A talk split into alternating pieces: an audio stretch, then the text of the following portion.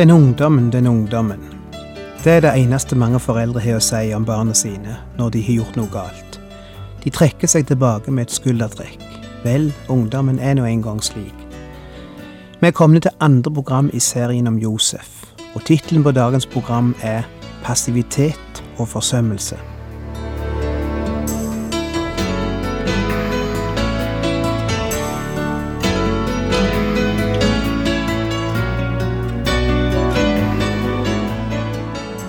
Hjertelig velkommen til et nytt program i serien Vindu mot livet.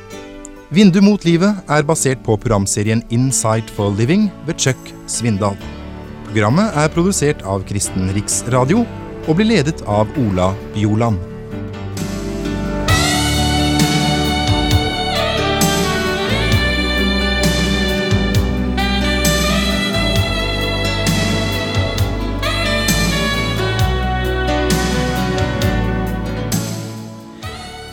Vi starter der vi slutta sist, eller der vi var sist, med å lese fra første Mosebok 37, vers 3. Israel var mer glad i Josef enn i alle de andre sønnene sine, fordi han hadde fått ham på sine gamle dager. Vi snakket sist om hvordan Jakob forsømte å gå inn i de konfliktene som oppsto med barna hans. Først var det dattera Dina som ble voldtatt, og det står ingenting om at faren gjorde noe for å gi henne oppreisning. Det så mer ut som han var redd for sitt eget skinn, redd for å komme i klammeri med den slekta voldtektsmannen tilhørte. Og så har vi episoden der hans egen sønn Ruben gjorde seg skyldig i incest, og Jakob fikk vite om det, står det men han gjorde ingenting med det. Og her ser vi et annet trekk som ofte føler med en far som er passiv og forsømmer å følge opp sine barn. Han elska den ene mer enn den andre, og han la ikke skjul på det. Passive fedre har en tendens til å favorisere den av eller de av barna som er enklest å ha med å gjøre. Vi vet at det er vanskelig å rettlede et barn som er vanskelig å oppdra. Da er det lett å trekke seg unna og late som en ikke ser ting. Og da er det lett å legge sin elsk på de som er enkle å håndtere. Han hadde elleve sønner som på forskjellig måte var vanskelig å styre. Og så hadde han en som var gullgutten og den elsker han mer enn de andre, står det. Og som sagt, han la ikke skjul på det. I samme verset står det at han lagde en sid kjole med lange armer til han. Og du kan ikke arbeide i en sid kjole med lange armer. Det er ikke akkurat arbeidsklær han henger på favorittgutten sin. Hvis du setter barna dine til å gjøre praktisk arbeid, så kler du de i overhala. Ikke i en dyr sidekappe som går helt ned anklene. Det er ikke arbeidsklær. Det var et tegn på nobilitet på den tida. Og det er det samme som å si til gutten, ta denne på deg, du, du trenger ikke arbeide slik som de andre. Og brødrene la merke til det og de likte det ikke. Vers fire. Men da brødrene så at faren holdt mer av ham enn av alle de andre sønnene sine, la de ham for hat og kunne ikke si et vennlig ord til ham. Ser du ikke for deg scenen? Det skal ikke så mye fantasi til for å sjå det hele for seg. Følelsene kjenner vi så godt igjen. Og på toppen av alt, Josef er ung og naiv. Og det han sier og gjør, legger ikke akkurat noen demper på hatet og sjalusien. Han har noen drømmer, står der. Og hadde han vært voksen og taktisk, så hadde han iallfall ikke fortalt brødrene om sine drømmer. Men i sin unge naivitet forteller han de hva han har drømt om. Vers fem. En gang hadde Josef en drøm som han fortalte til brødrene sine, og da begynte de å hate ham enda mer. Han sa til dem, Nå skal dere høre hva jeg har drømt. Jeg syntes vi var ute på åkeren og bandt kornbånd. Med ett reiste mitt kornbånd seg opp og ble stående, mens kornbåndene deres stilte seg omkring og bøyde seg for mitt. Vel, det er ikke slikt du vinner venner og sympati på, akkurat. Så står det videre, da sa brødrene til ham, du skal kanskje være vår konge og rå over oss. Og så hatet de ham enda mer for drømmene og historiene hans.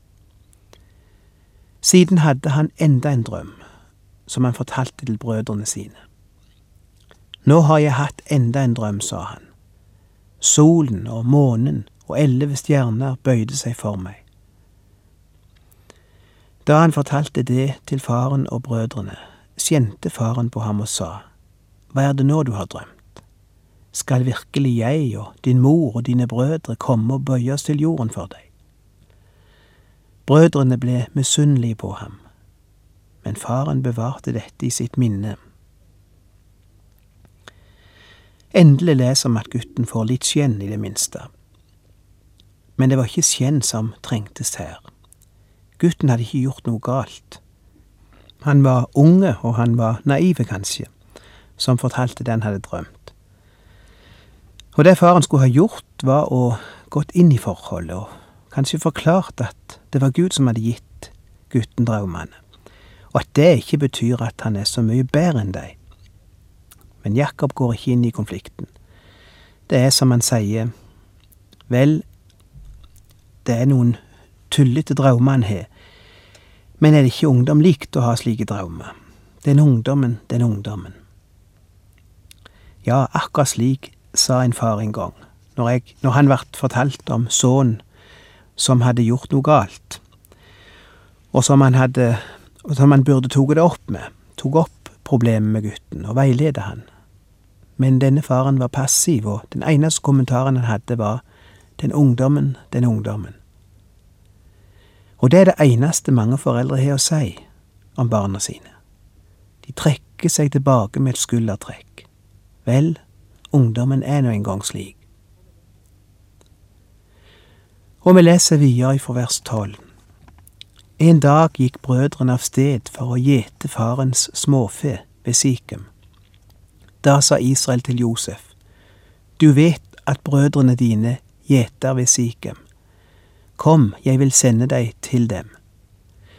Ja vel, svarte han. Da sa faren, Gå og se hvordan det står til med brødrene dine og småfe. Kom så tilbake og fortell meg om det.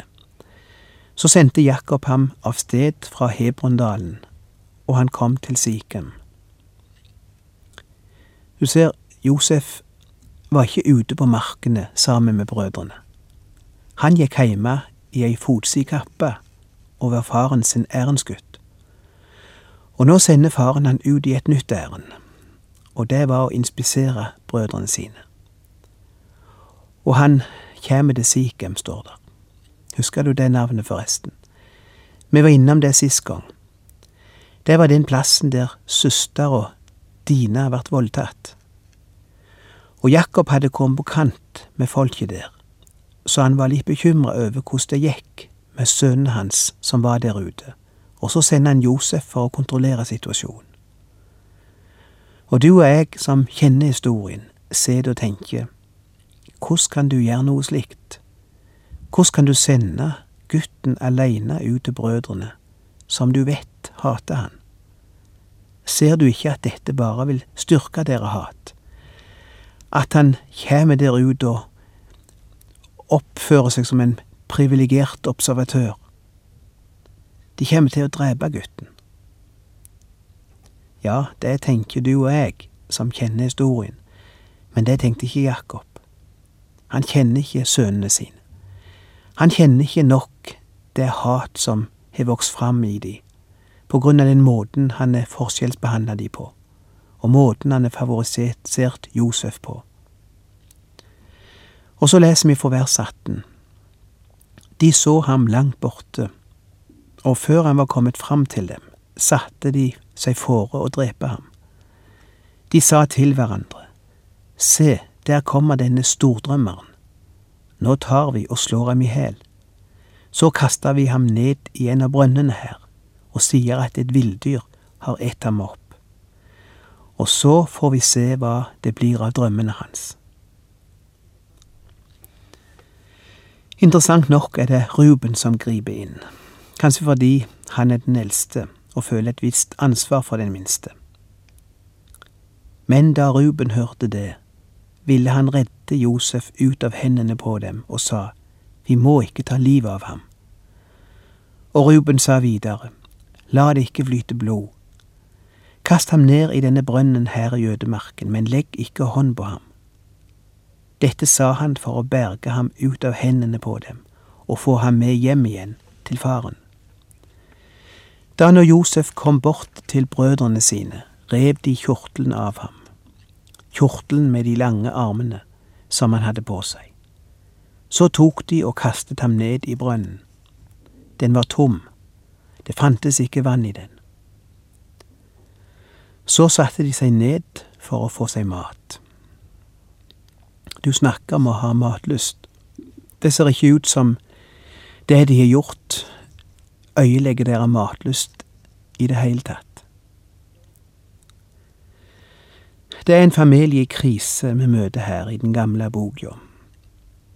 Og er det noen overskrift som passer på samfunnet vårt i dag òg, så er det nettopp familien i krise. Det er familien som er i krise, og derfor er samfunnet i krise. Og Bibelen har gitt oss disse nydelige fortellingene, for vi skal lære hvor viktig det er å løse krise i familien, i plassen for å lukke øynene og late som ingenting, inntil det hele raser sammen. Familien er i krise. Jeg sa det las her om dagen en lederartikkel i Dagen som kan fortelle at skilsmissetallet i Oslo nå er oppe i 50% Og jeg siterer ifra denne lederen. Vi har fått en tredobling av barn født utenom ekteskap siden 1980. Fra 7000 til 26 000. Blant dem under 25 år som ble nybakte mødre i fjor, var hele syv av ti ugifte. I så nær fortid som 1960-årene hadde hele 19 av 20 nyfødte barn gifte foreldre. De høye tall på barn født utenfor ekteskap røper svik overfor barnet overfor kvinnen. De fleste kvinner ønsker ekteskap for seg og sine barn. Ingen må tro noe annet. Men det falske samfunnet som er bygget opp av all medieforsøplingen, med falske idealer, har ført oss et kraftig steg nærmere latinamerikanske familieforhold, der alt som heter ansvar og plikt er pulverisert. Mannen blir i slike samfunn et vandrende kjønnsorgan, skapt i den moderne litteraturs og NRKs bilde. Det sto forresten en artikkel om familien i en annen avis for ei tid siden. Det var den store amerikanske avisa Newsweek som hadde en undersøkelse som konkluderte med at det farligste stedet for mennesker å leve i dag, utenom i krig og naturkatastrofer, er faktisk hjemmet. Når jeg leser de gamle familiefortellingene i Det gamle testamentet, så ser jeg mer enn teologi. Visst er det teologi der, Visst er de tolv brødrene her stamfedre fra de tolv stammer i Israel. Det er den teologiske sida ved fortellingene. Men det er så mye mer enn det i disse fortellingene. Jeg ser glimrende illustrasjoner ifra Guds eie bok på sider av livet som vi kjenner igjen, og som vi alle møter. Og i denne fortellingen ser jeg massevis av praktisk livsvisdom. Jeg ser en heim som holder på å falle ifra hverandre. Jeg ser noen brødre som sier når de ser en annen bror, la oss drepe han. Jeg ser de ta av han klærne og dyppe de i blod og gå heim og fortelle faren at han er blitt drept av ville dyr. Jeg ser et sjalusimord et familiedrama. Jeg ser sinne og hat og misunnelse og sjalusi. Jeg ser forsømmelse og passivitet ifra foreldre. Alt dette som vi leser om hver eneste dag i avisene, leser jeg om i denne gamle fortellingen i Guds bok. Og alt som er skrevet før, er skrevet for at vi skal lære av det, sier romerbrevet. Hvor var du da dattera di, Dina, blei voldtatt? Hvor var du, Jakob?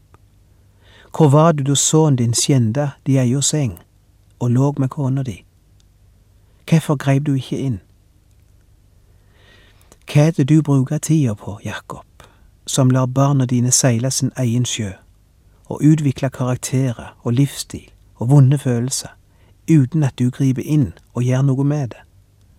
Hvorfor snakker du ikke til dem om dette? Jeg hører om en amerikansk gutt som heter Robert, ti år gammel. Han var forsømt av foreldrene sine, utskjemt, hadde aldri møtt grenser, aldri lært å ta hensyn. Han var etter hvert berykta blant sine omgivelser.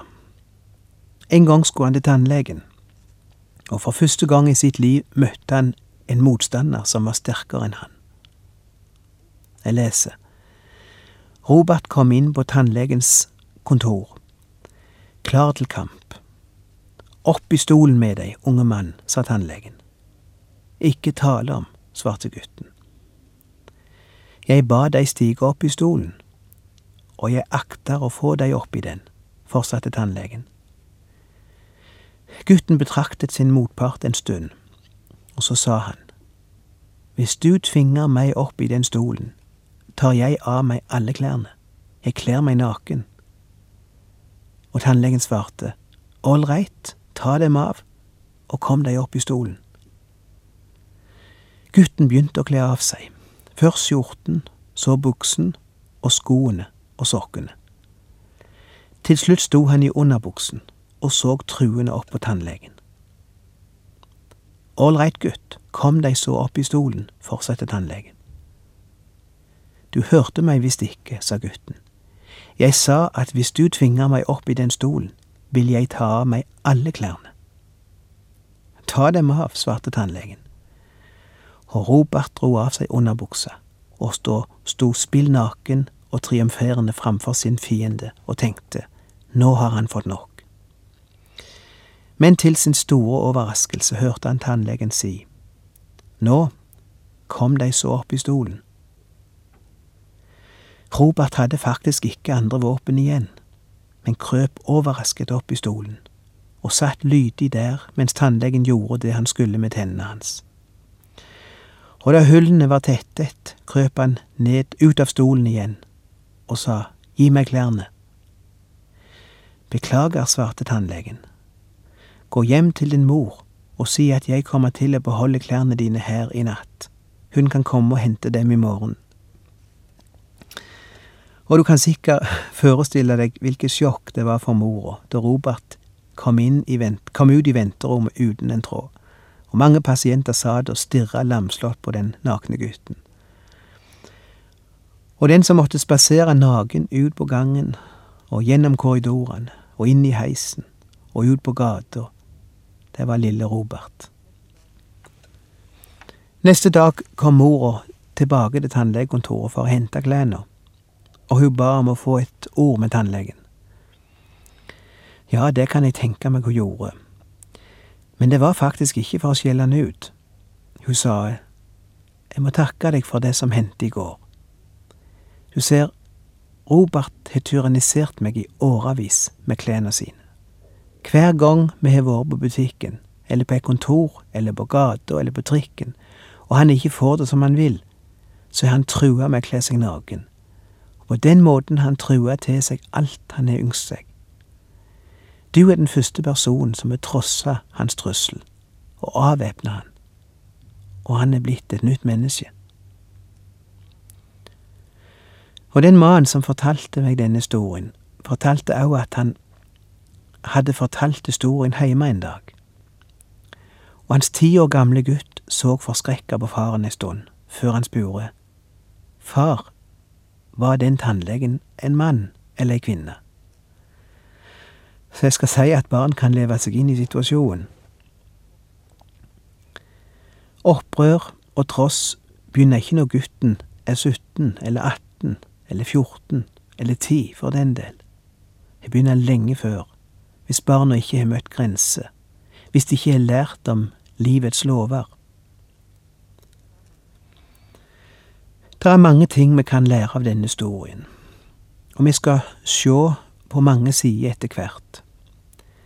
Men i dag er det denne sida jeg vil understreke. Mor og far, ikke vær passiv. Ikke trekk deg unna. Og hva sjalusi og misunnelse og søskenhat angår, ikke trekk deg. Gå inn i konflikten. Gjør noe med det. Ta opp holdninger og følelser og konflikter mellom barna. Hvem skal ellers ta det opp? Hva hendte så med Josef? Ble han liggende i brønnen? Nei, der kom en kjøpmann ifra Egypt forbi, og de solgte sin bror til denne kjøpmannen som slave. Og de gikk heim til faren og laug og sa han var blitt spist av villdyr. De reiv sund kappen hans og dyppa den i blod og ga den til faren og sa, Sjå hva rovdyret har gjort med gutten din. Og kapitlet slutta med orda Alle sønnene og døtrene kom for å trøste ham, men han ville ikke la seg trøste. Med sorg går jeg ned til min sønn i dødsriket, sa han. Og faren gråt over sønnen sin. Men midjanittene solgte Josef i Egypt til Potifar, som var hoffmann hos farao og sjef for livvakten. Og der slutta første akt av historien, men der begynner òg neste akt. For Gud er ikke ferdig med sin plan, fordi om mennesket steller seg tåpelig. Og det som skulle være ulykken, ble faktisk lykken for Josef. Og det skal vi se på i de neste programmene.